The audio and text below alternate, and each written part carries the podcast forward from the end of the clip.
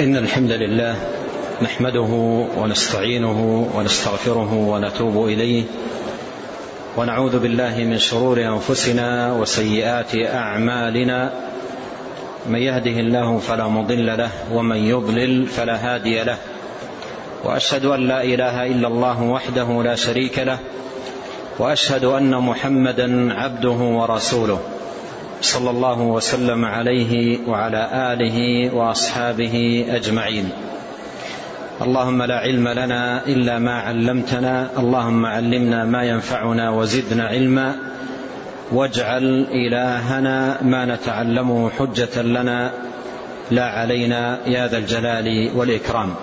أما بعد أيها الإخوة المؤمنون نحن بين يدي دراسة كتاب عظيم ومؤلف مبارك في باب هو من أشرف أبواب العلم وأجلها ألا وهو شمائل نبينا الكريم صلى الله عليه وسلم وخصاله المنيفة وصفاته الشريفة وأخلاقه الرفيعة وآدابه الكريمة ومعاملاته الطيبة الحسنة صلوات الله وسلامه عليه. نحن بين يدي دراسه شمائل أفضل عباد الله وأزكاهم وأحبهم إلى الله جل وعلا فهو خليل الله ومصطفاه ومجتباه. وهو أكمل عباد الله عبادة وأزكاهم خلقا وأطيبهم نفسا وأحسنهم معاملة وأعظمهم معرفة بالله سبحانه وتعالى وتحقيقا لعبوديته اصطفاه الله عز وجل واجتباه ليكون سفيرا بينه وبين عباده. واسطة بينه وبين الناس في الدلالة على الخير والدعوة إلى الهدى. واختاره الله سبحانه وتعالى على علم. وخصه عز وجل بأكمل الصفات صفات البشر من حيث الخلقة والخلق. فاختاره جل وعلا من أفضل وأعرق البشرية نسبا واصطفاه جل وعلا واختاره وخصه بأجمل الصفات في هيئته البهية وطلعته الجميلة ومحياه المشرق وصفاته العالية الرفيعة صلوات الله وسلامه عليه. وخصه بأكمل الخلال وأجمل الأخلاق وأطيب الآداب وجعله سبحانه وتعالى أسوة للعالمين وقدوة لعباد الله أجمعين. لقد كان لكم في رسول الله أسوة لمن كان يرجو الله واليوم الآخر وذكر الله كثيرا. وهذه الآية كما قال الإمام الحافظ ابن كثير رحمه الله في تفسيره أصل في وجوب التأسي به صلى الله عليه وسلم في, في أقواله وأفعاله وأحواله.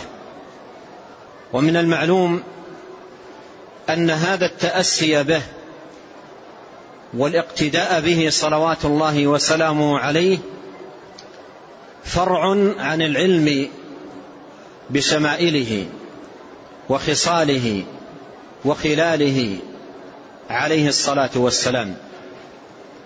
إذ لا يتأتى اقتداء به واتباع لنهجه ولزوم لهديه صلى الله عليه وسلم إلا بمعرفة ذلك ودراسة سيرته وشمائله وخصاله وخلاله العظيمة.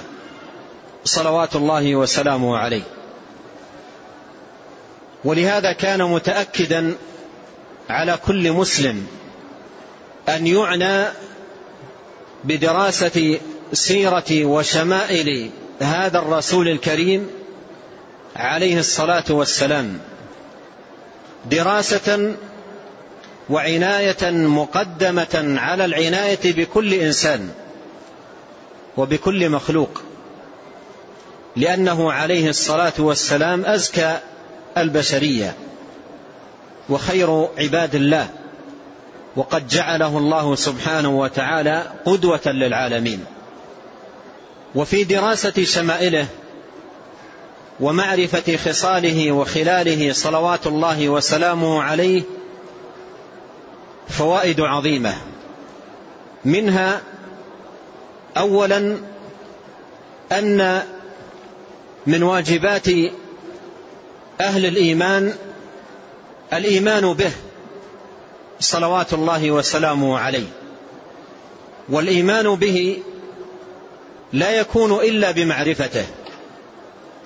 وكلما ازدادت المعرفة به صلوات الله وسلامه عليه ازداد الإيمان به وازداد في العبد الاتباع له ولنهجه صلوات الله وسلامه عليه. الأمر الثاني أن محبته عليه الصلاة والسلام واجبة وافترضها الله سبحانه وتعالى على عباده. بل إنه يجب أن تقدم محبته على الوالد والولد والناس أجمعين بل على النفس. ومن المعلوم أن معرفته عليه الصلاة والسلام ومعرفة شمائله وخصاله مما يزيد القلب حبا له. وتعظيما وإجلالا ومعرفة لقدره العظيم ومكانته العلية. صلوات الله وسلامه عليه. الأمر الثالث أن الله عز وجل جعله قدوة للعباد وأسوة للناس وأمر باتباعه والسير على منهاجه. لقد كان لكم في رسول الله أسوة حسنة لمن كان يرجو الله واليوم الآخر وذكر الله كثيرا. وقال جل وعلا وما آتاكم الرسول فخذوه وما نهاكم عنه فانتهوا.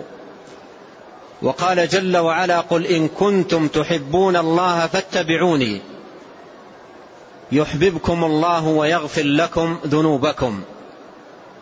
وهذه المتابعة وهذا الائتساء به عليه الصلاة والسلام فرع عن معرفته ومعرفة خصاله وخلاله وشمائله صلوات الله وسلامه عليه.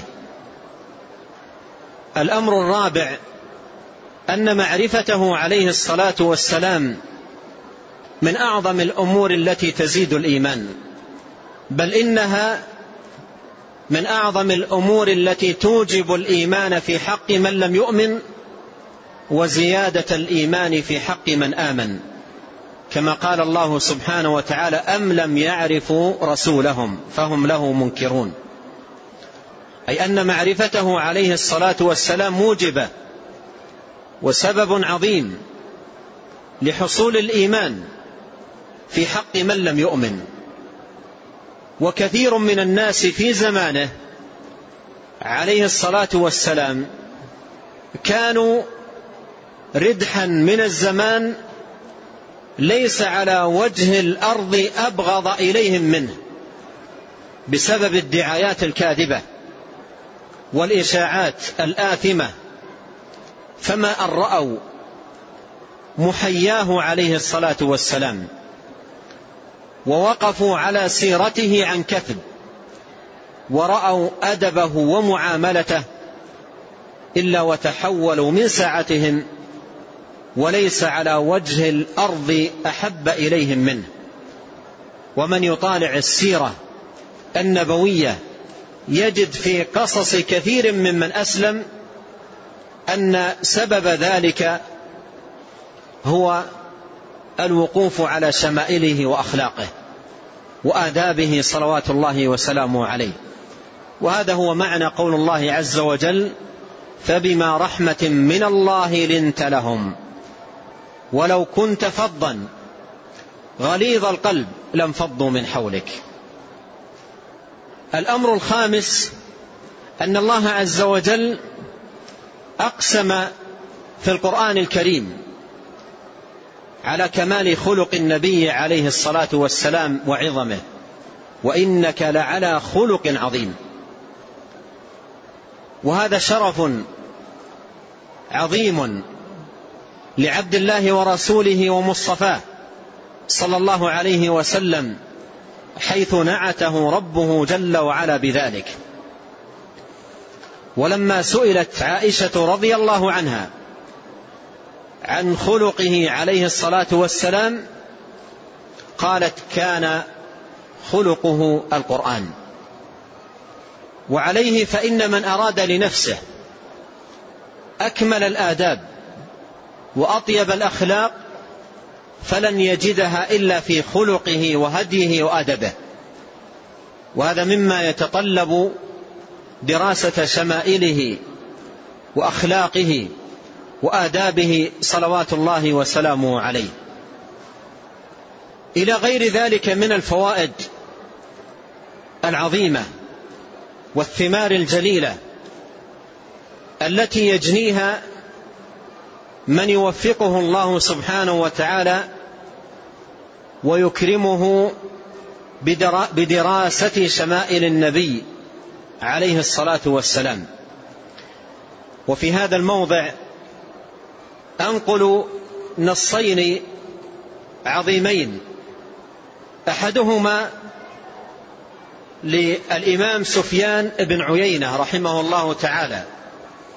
رواه الخطيب البغدادي في مقدمة كتابه الجامع لأخلاق الراوي وآداب السامع حيث ساق بسنده إلى سفيان بن عيينة أنه كان يقول إن رسول الله صلى الله عليه وسلم هو الميزان الأكبر فعليه تعرض الأشياء على خلقه وسيرته وهديه فما وافقه فما وافقها فهو الحق وما خالفها فهو الباطل. النص الثاني للإمام ابن القيم رحمه الله تعالى في كتابه زاد المعاد. قال وهو يتحدث عن الرسل عليهم صلوات الله وسلامه. قال فهم الميزان الراجح الذي على أقوالهم وأعمالهم وأخلاقهم توزن الأقوال والأخلاق والأعمال. وبمتابعتهم يتميز أهل, أهل الهدى من أهل الضلال.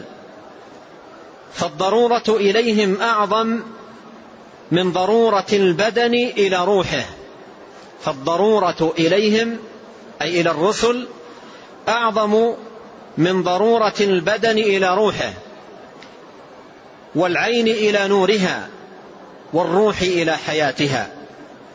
فأي ضرورة وحاجة فرضت فضرورة العبد وحاجته إلى الرسل فوقها بكثير.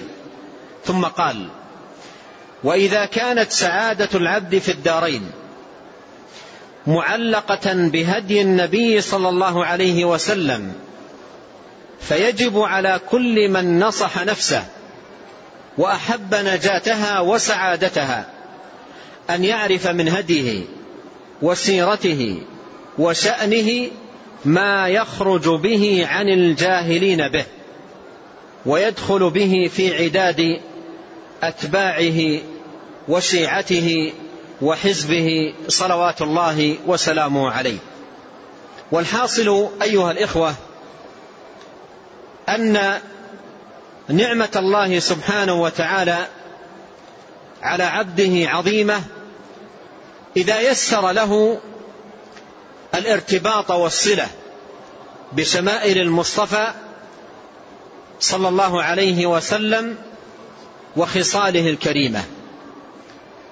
فهذه بوابة عظيمة من أبواب الخير وكرامة ومنة من الله سبحانه وتعالى على عبده. ولهذا نسأل الله عز وجل بأسمائه الحسنى وصفاته العليا الذي أكرمنا جميعا بهذا الجلوس في مسجد نبيه عليه الصلاة والسلام لدراسة شمائله أن يكرمنا وأن يمن علينا بأن يجعلنا من أتباعه حقا ومن المقتدين به صدقا ومن السائرين على منهاجه القويم وصراطه المستقيم صلوات الله وسلامه عليه. وأن يجمعنا جميعا به في جنات النعيم. ثم أيها الإخوة الكرام هذا الكتاب المبارك الذي بين أيدينا هو من أعظم وأنفع الكتب المؤلفة في شمائل النبي صلى الله عليه وسلم وهو من أقدم المؤلفات التي ألفت في هذا الباب. بل لربما قد يكون هذا الكتاب أقدم كتاب وجد وطبع في شمائل النبي عليه الصلاة والسلام.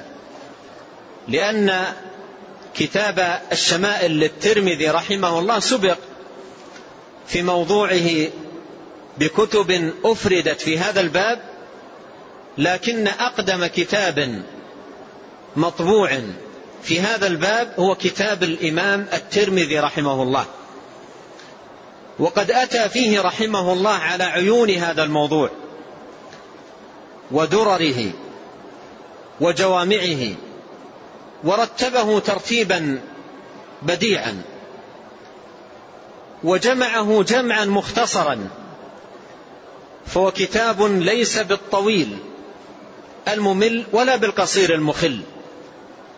بل هو متوسط الحجم لكنه رحمه الله جمع فيه وأوعى في هذا الباب العظيم شمائل المصطفى صلوات الله وسلامه عليه. قال الحافظ ابن كثير رحمه الله تعالى في كتابه البداية والنهاية قال وقد صنف الناس في شمائل رسول الله صلى الله عليه وسلم قديما وحديثا كتبا كثيرة مفردة وغير مفردة ومن أحسن من جمع في ذلك فأجاد وأفاد الإمام أبو عيسى محمد بن عيسى ابن سورة الترمذي رحمه الله. أفرد في هذا المعنى كتابه المشهور بالشمائل ولنا به سماع متصل إليه ونحن نورد عيون ما أورده فيه ونزيد عليه أشياء مهمة لا يستغني عنها المحدث والفقيه. ولنذكر اولا بيان حسنه أي النبي صلى الله عليه وسلم بيان حسنه الباهر عليه الصلاة والسلام وجماله الجميل ثم نشرع بعد ذلك في إيراد الجمل والتفاصيل. انتهى كلامه رحمه الله. والإمام ابن كثير رحمه الله في كتابه البداية والنهاية عقد عنوانا قال كتاب الشمائل ولخص في كتابه الشمائل كتاب الشمائل للإمام الترمذي رحمه الله. وزاد عليه أحاديث عديدة عظيمة في هذا الباب. ولهذا من باب الإشارة من كانت عنده نهمة في الزيادة ففي كل باب نمر عليه يرجع إلى كتاب الشمائل. من كتاب البداية والنهاية للحافظ ابن كثير ويعلق منه الأحاديث الزائدة. عنده رحمه الله تعالى على كتاب الشمائل للإمام الترمذي رحمه الله تعالى. وقال العلامة محمد بن عبد الرؤوف المناوي المتوفى 1031 في مقدمة شرحه للشمائل. قال كتاب الشمائل لعلم الرواية وعالم الدراية. الإمام الترمذي كتاب وحيد في بابه فريد في ترتيبه واستيعابه. لم يأت له أحد بمماثل ولا بمشابه. سلك فيه منهاجا بديعا ورصعه بعيون الأخبار. وفنون الآثار ترصيعا حتى عد ذلك الكتاب حتى عد ذلك الكتاب من المواهب وطار في المشارق والمغارب. والنقول عن أهل العلم في الثناء على هذا الكتاب وبيان محاسنه وفوائده وثماره وآثاره كثيرة وكذلك عناية أهل العلم بهذا الكتاب قديما وحديثا تنوعت وتعددت بين مختصر ومهذب وشارح ومحقق وناظم لما بث في هذا الكتاب من شمائل وخصال. إلى غير ذلك من الجهود الكثيرة. التي بذلت خدمة لهذا الكتاب إضافة إلى المجالس العلمية التي عقدت لمدارسة هذا الكتاب ومذاكرته إضافة إلى وصية أهل العلم بالعناية به والانتفاع بفوائده وفرائده ومنافعه العظيمة. ثم أيها الإخوة الكرام هذا المختصر في الشمائل للإمام الترمذي رحمه الله رتبه مصنفه ترتيبا دقيقا وقسمه تقسيما بديعا. فجعله رحمه الله في ستة وخمسين بابا وجمع فيه خمسة عشر وأربعمائة. حديثا عن رسول الله صلى الله عليه وسلم.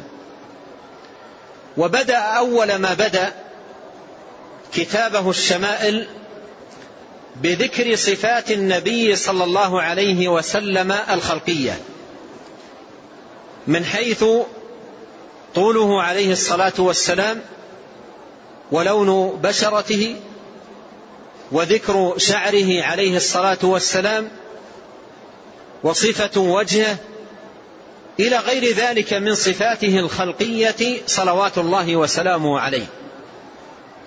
ثم بعد ذلك انتقل رحمه الله للكلام على حاجياته ومقتنياته عليه الصلاة والسلام ومتاعه.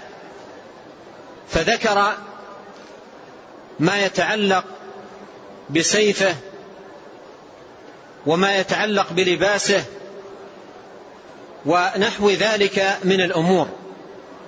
ثم بعد ذلك انتقل رحمه الله تعالى للكلام على شمائله وأخلاقه وآدابه ومعاملاته صلى الله عليه وسلم.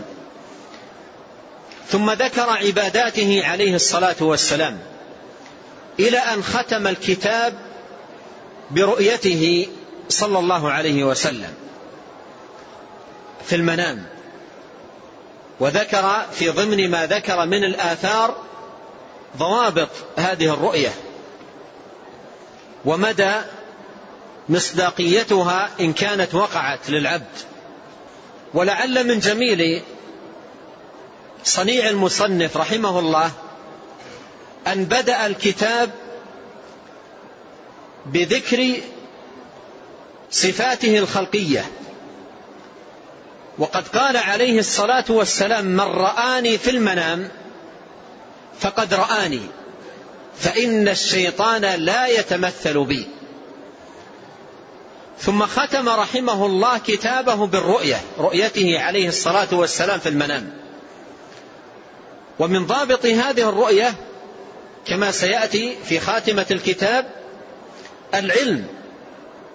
بصفاته عليه الصلاة والسلام. ولهذا لما قال رجل لابن عباس رضي الله عنهما إني رأيت النبي عليه الصلاة والسلام قال صف لي من رأيت. قال صف لي من رأيت. فلما وصف الرجل من رأى في المنام قال له ابن عباس رضي الله عنهما كلاما معناه لو كنت رأيت النبي صلى الله عليه وسلم لما زدت على هذا الوصف. لما زدت على هذا الوصف. فإذا معرفة صفة النبي عليه الصلاة والسلام لها فوائد عظيمة.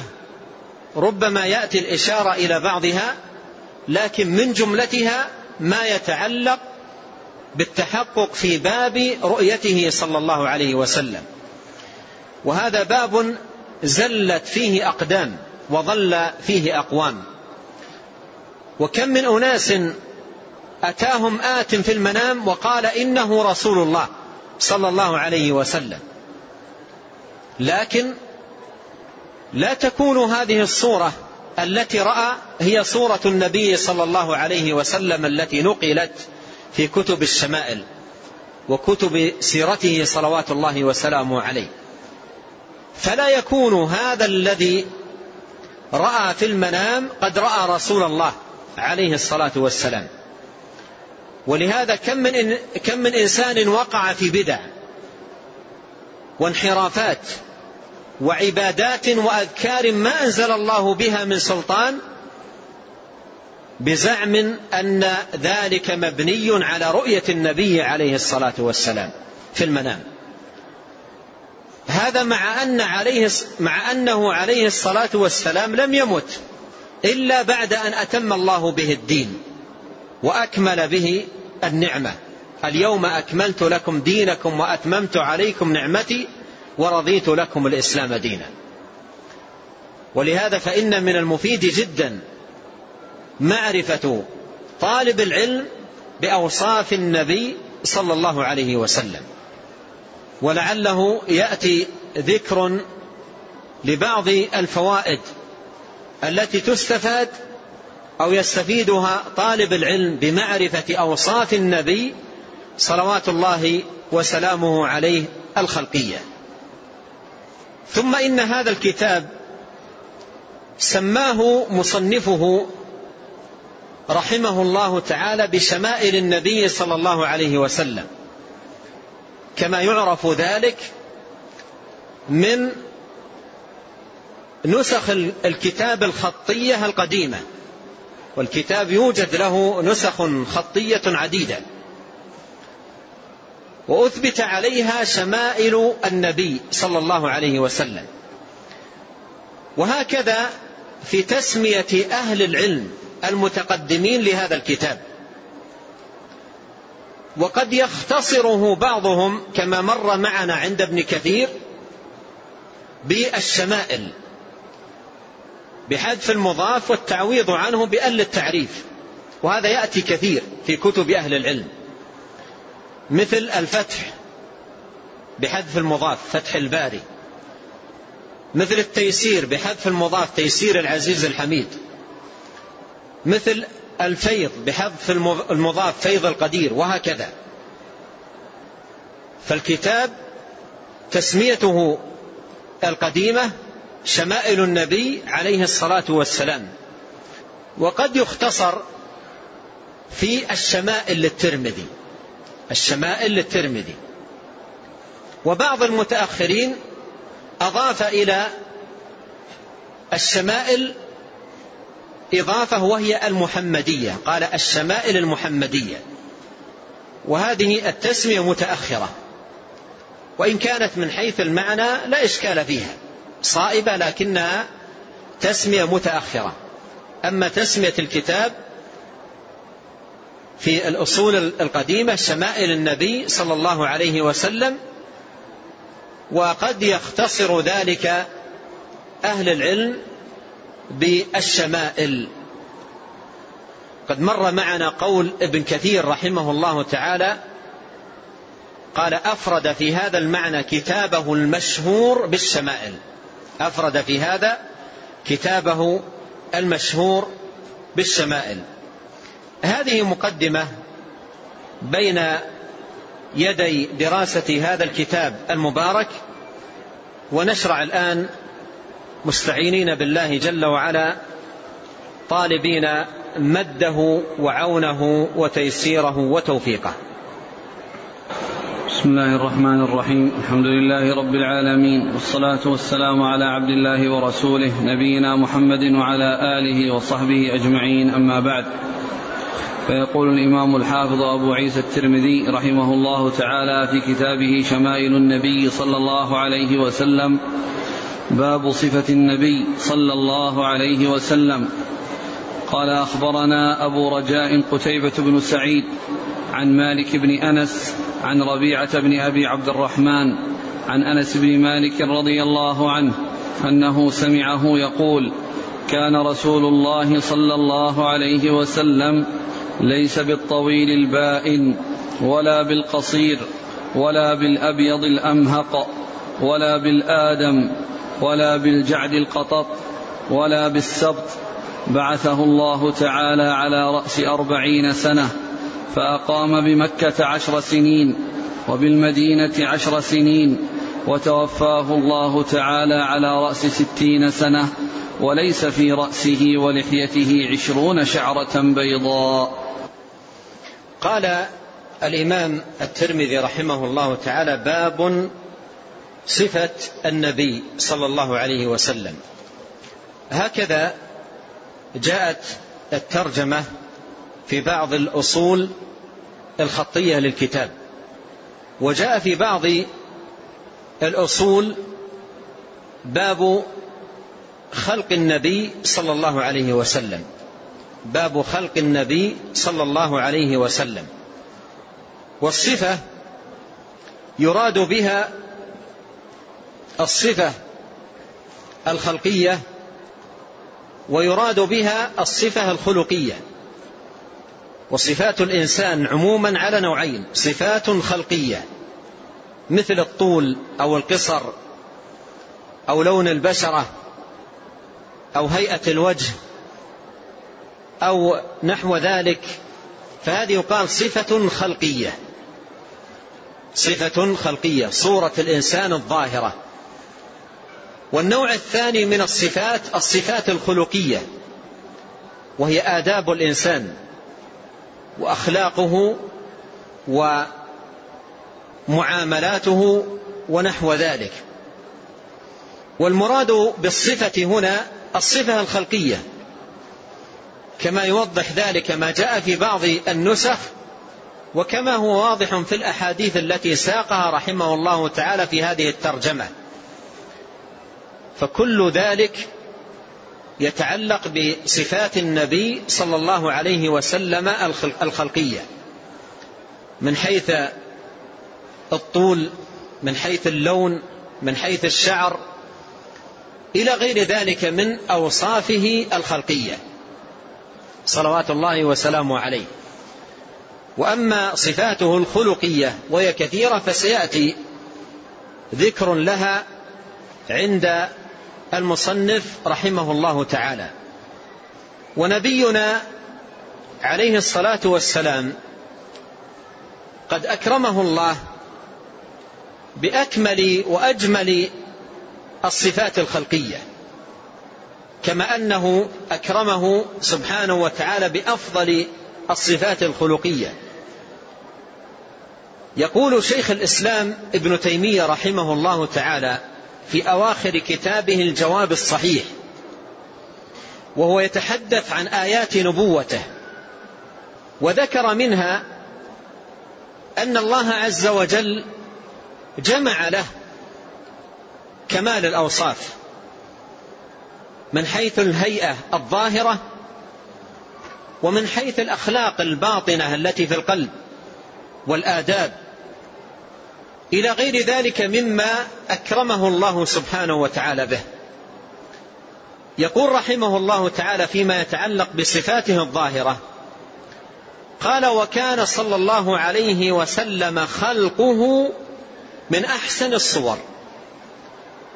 كان خلقه صلى الله عليه وسلم من أحسن الصور وأتمها وأجمعها للمحاسن الدالة على كماله صلى الله عليه وسلم. فالله عز وجل أكرمه بصورة جميلة وهيئة حسنة اجتمعت فيه المحاسن.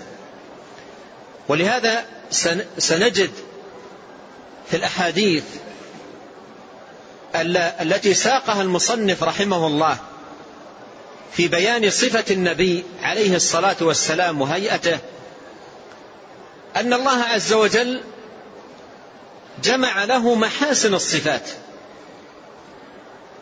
وكمال الاعتدال وقوام ذلك في صفاته العظيمة التي أكرمه الله سبحانه وتعالى بها.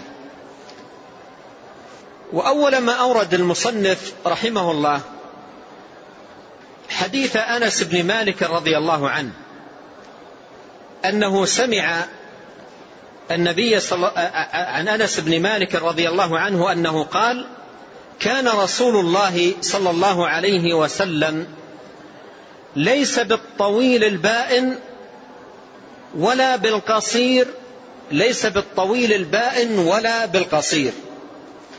هنا بيان لطوله عليه الصلاة والسلام.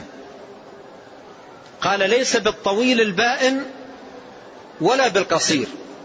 أي أنه ربعة متوسط صلى الله عليه وسلم بين الطويل البائن يعني المفرط في الطول الذي في طوله زيادة وبين القصير الذي اجتمع جسمه قصرا. فأكرمه الله سبحانه وتعالى بجسم في طوله وسط. بين الطول المفرط وبين القصر. وكان عليه الصلاة والسلام إلى الطول أقرب. وكان عليه الصلاة والسلام إلى الطول أقرب منه إلى القصر. كما جاء ذلك مصرحا به ببعض الروايات أو في بعض الروايات. ولهذا نلاحظ وصف أنس قال ليس بالطويل البائن. والقصر لم يصفه بشيء. قال ليس بالطويل البائن ولا بالقصير يعني لم يذكر المقابل لأنه عليه الصلاة والسلام إلى الطول أقرب. لأنه عليه الصلاة والسلام إلى الطول أقرب. فهذا من حيث طوله صلى الله عليه وسلم. وبائن قيل هي من بان يبين بيانا أي ظهر وقيل من بان يبون بونا أي بعد بمعنى أنه خرج بطوله عن حد الاعتدال وهو الطول المفرط. فإذا هو عليه الصلاة والسلام من حيث الطول ليس بالطويل المفرط طولا وليس بالقصير وإنما هو وسط بين, بين ذلك وهو صلى الله عليه وسلم إلى الطول أقرب. قال ولا بالأبيض الأمهق ولا بالأبيض الأمهق ولا بالآدم. الأبيض الأمهق أي شديد البياض شديد البياض بياضا لا يخالطه سمرة أو حمرة أو نحو ذلك وإنما هو بياض خالص. فمثل هذا يقال بياض أمهق. بمعنى أنه بياض خالص ليس فيه سمرة أو حمرة أو نحو ذلك.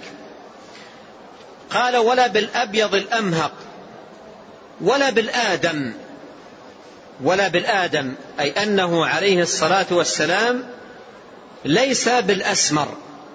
يعني ليس بالأبيض الأمهق شديد البياض ولا أيضا بالأسمر. صلى الله عليه وسلم.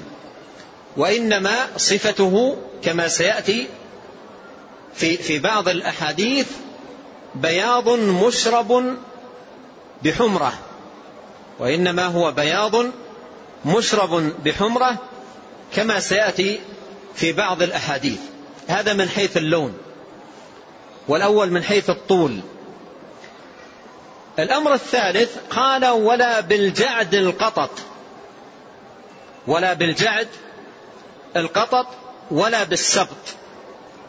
وهذا يتعلق بشعره صلى الله عليه وسلم. شعره وسط ليس بالجعد القطط يعني ليس شعره بالجعد أي المتثني القطط يعني شديد التثني شديد الجعودة المتداخل بعضه في بعض والمتلوي بعضه على بعض. لجعودته ولا بالسبط يعني لا ليس بالشعر المسترسل. وبالعبارة العامية يقولون شعره طائح يعني نازل منفلت. ليس بهذا ولا بهذا يعني ليس بالشعر المتجعد الشديد الجعودة وليس أيضا بالشعر المسترسل وإنما هو وسط بين ذلك. قال ولا بالجعد القطط ولا بالسبط. هذا فيما يتعلق بشعر رأسه صلوات الله وسلامه عليه. قال بعثه الله تعالى على رأس أربعين سنة. فهو عليه الصلاة والسلام نبئ لما أتم من العمر أربعين صلوات الله وسلامه عليه.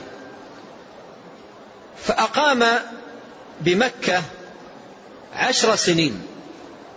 فأقام بمكة عشر سنين يعني بعد البعثة. وبالمدينة عشر سنين. وتوفاه الله تعالى على رأس ستين سنة. قوله فأقام بمكة عشر سنين جاء في بعض الروايات ثلاث عشرة سنة. ثلاث عشرة سنة وهي المدة التي أقامها النبي صلى الله عليه وسلم في مكة بعد البعثة. فهو بعث على رأس الأربعين وهاجر صلى الله عليه وسلم بعد أن أكمل ثلاث عشرة سنة نبيا صلى الله عليه وسلم. وهذه الرواية هنا قال فأقام بمكة عشر سنين مما ذكر في توجيه هذه الرواية أن الراوي قد يكون ألغى الكسر أو ترك الكسر. والصواب في المدة من حيث هي أنه صلى الله عليه وسلم أقام بمكة ثلاث عشرة سنة بعد أن بعث صلى الله عليه وسلم ثم هاجر إلى المدينة وبقي فيها عشر سنوات ومات صلى الله عليه وسلم وتوفاه الله على رأس ثلاث وستين سنة. وأيضا يقال في هذه ما قيل في الأولى ربما يكون الراوي ألغى الكسر. قال وليس في رأسه ولحيته عشرون شعرة بيضاء. أي أن شعر الشيب في لحيته عليه الصلاة والسلام وشعر رأسه كان قليلا. يعني لا يصل إلى العشرين شعرة. قال وليس في رأسه ولحيته عشرون شعرة بيضاء. نعم. قال حدثنا حميد بن مسعدة البصري. قال حدثنا عبد الوهاب الثقفي عن حميد عن أنس بن مالك رضي الله عنه أنه قال كان رسول الله صلى الله عليه وعلى آله وسلم ربعة وليس بالطويل ولا بالقصير حسن الجسم وكان شعره ليس بجعد ولا سبط أسمر اللون إذا مشى يتكفى ثم ساق المصنف رحمه الله تعالى هذا الحديث حديث أنس بن مالك رضي الله عنه قال كان رسول الله صلى الله عليه وسلم ربعة. ويأتي في بعض الروايات مربوعا وهما بمعنى واحد. ربعة أو مربوعا هما بمعنى واحد. والمراد بالربعة أو المربوع أي المتوسط. المراد به المتوسط. ولهذا فإن قوله وليس بالطويل ولا بالقصير هذا يوضح المعنى. فهو عليه الصلاة والسلام كان ربعة وفي بعض الروايات يأتي بلفظ مربوعا أي أنه صلى الله عليه وسلم من حيث الطول وسط بين الطويل البائن والقصير. قال كان رسول الله صلى الله عليه وسلم ربعة وليس بالطويل ولا بالقصير. حسن الجسم. أي أن الله سبحانه وتعالى من عليه بجسم معتدل في الخلق متناسب الأعضاء. فجسمه صلى الله عليه وسلم جسم حسن وأعضاؤه صلى الله عليه وسلم أعضاء متناسقة. ومر معنا قول شيخ الإسلام ابن تيمية رحمه الله كان صلى الله عليه وسلم خلقه من أحسن الصور وأتمها وأجمعها للمحاسن. وأجمعها للمحاسن. قال وكان شعره ليس بجعد ولا سبط. وكان شعره ليس بجعد ولا سبط. أي أنه عليه الصلاة والسلام شعره وسط. وقد مرت معنا هذه الجملة في الحديث الذي قبله. قال أسمر اللون. قال أسمر اللون.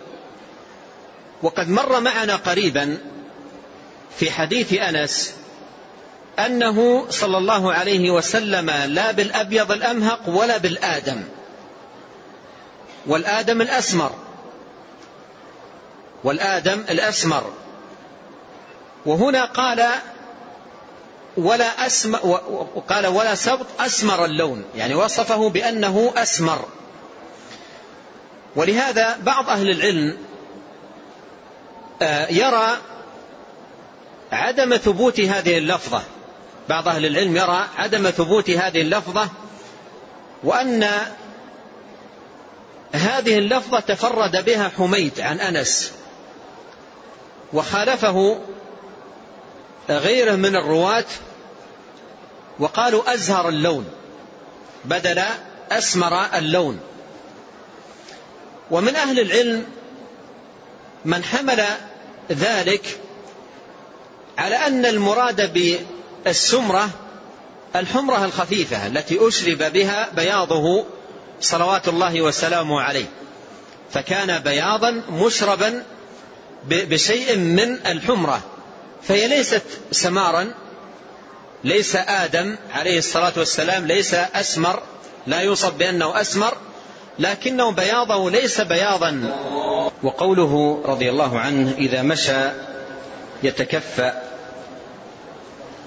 أي أنه عليه الصلاة والسلام إذا مشى يكون في مشيه يمشي متكفئا أي كأنما ينزل من منحدر. مثل ما جاء في وصف علي رضي الله عنه قال كأنما ينحط من صبب كأنما ينحط من صبب. فهذه صفة مشيته صلوات الله وسلامه عليه.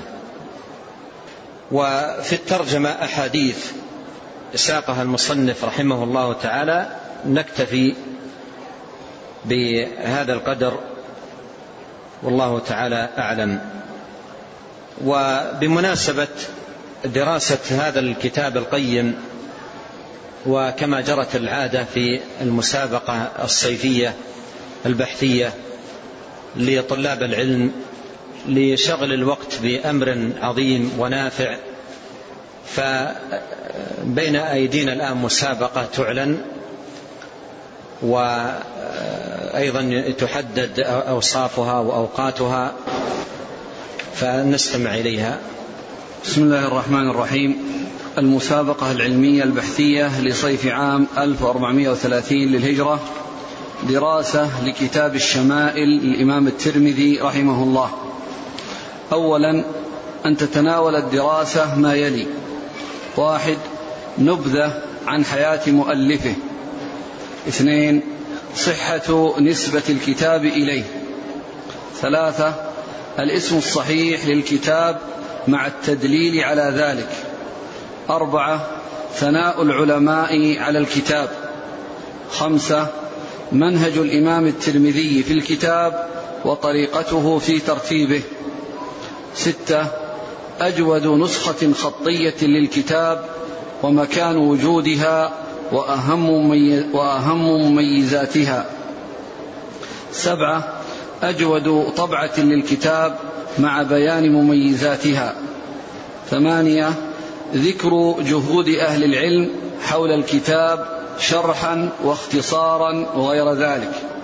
تسعة ذكر ما ألف في شمائل النبي صلى الله عليه وسلم إلى نهاية القرن الخامس. عشرة أثر دراسة شمائل النبي صلى الله عليه وسلم في حياة المسلم. ثانيا يراعى في كتابة البحث ما يلي. واحد العناية بالبحث من حيث التقسيم والتبويب والترتيب. اثنين الدقة في توثيق المعلومات.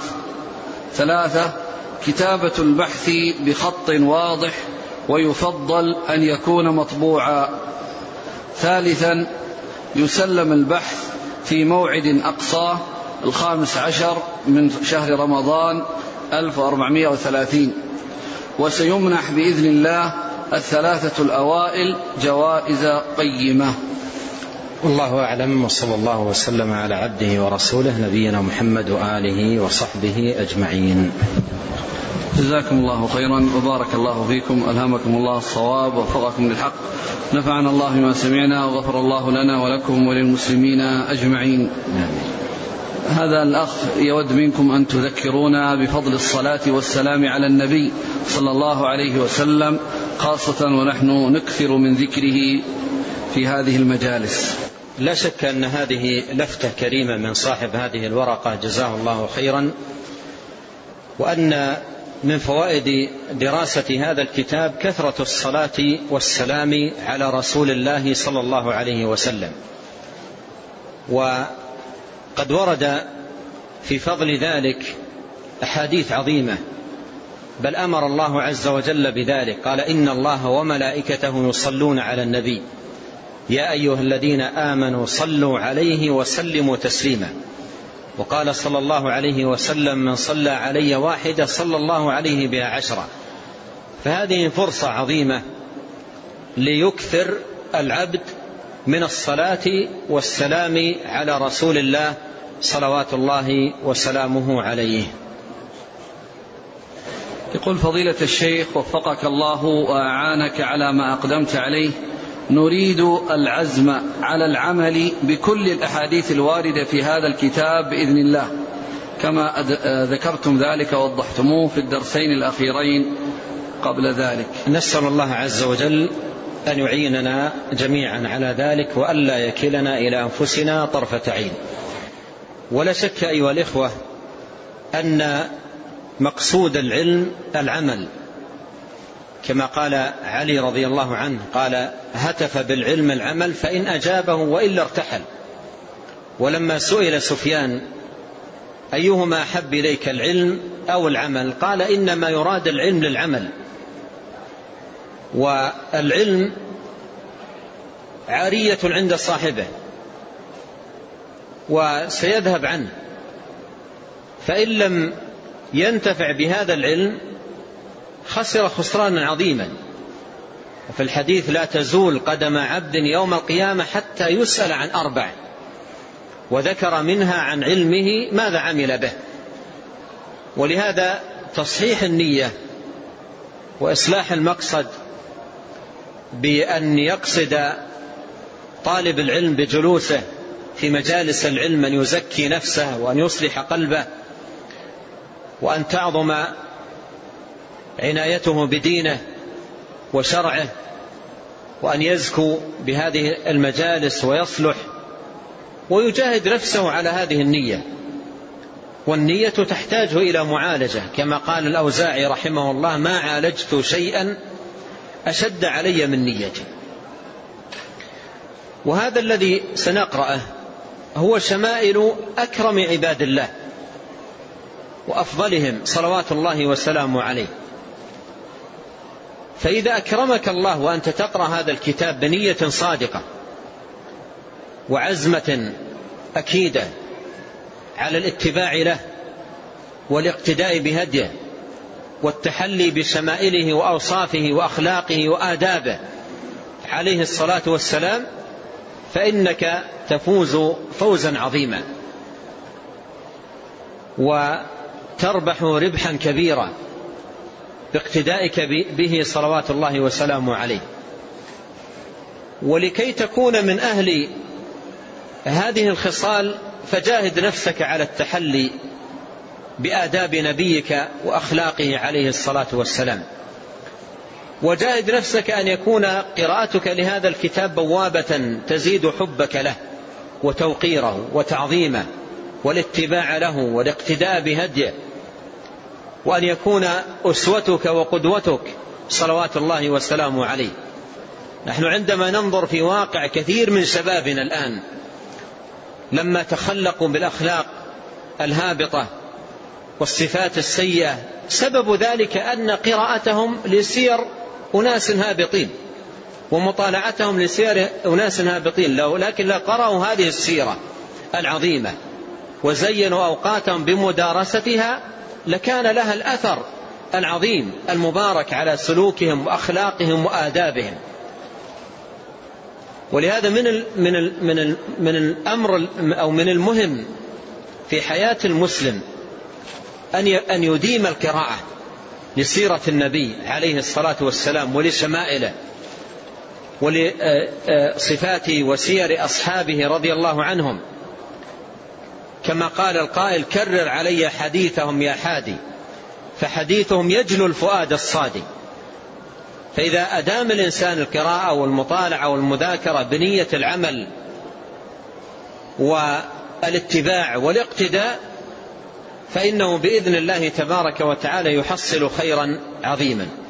ونرجو الله عز وجل ربنا ألا يكلنا إلى أنفسنا طرفة عين وأن يمن علينا بالعلم النافع والعمل الصالح وأن يهدينا لأحسن الآداب لا يهدي لأحسنها إلا هو وأن يصرف عنا سيئها لا يصرف, لا يصرف عنا سيئها إلا هو وأن يصلح لنا ديننا الذي هو عصمة أمرنا وأن يصلح لنا دنيانا التي فيها معاشنا وأن يصلح لنا آخرتنا التي فيها معادنا وأن يجعل الحياة زيادة لنا في كل خير والموت راحة لنا من كل شر وأن يغفر لنا ولوالدينا ولمشايخنا وللمسلمين والمسلمات والمؤمنين والمؤمنات الأحياء منهم والأموات إنه غفور رحيم.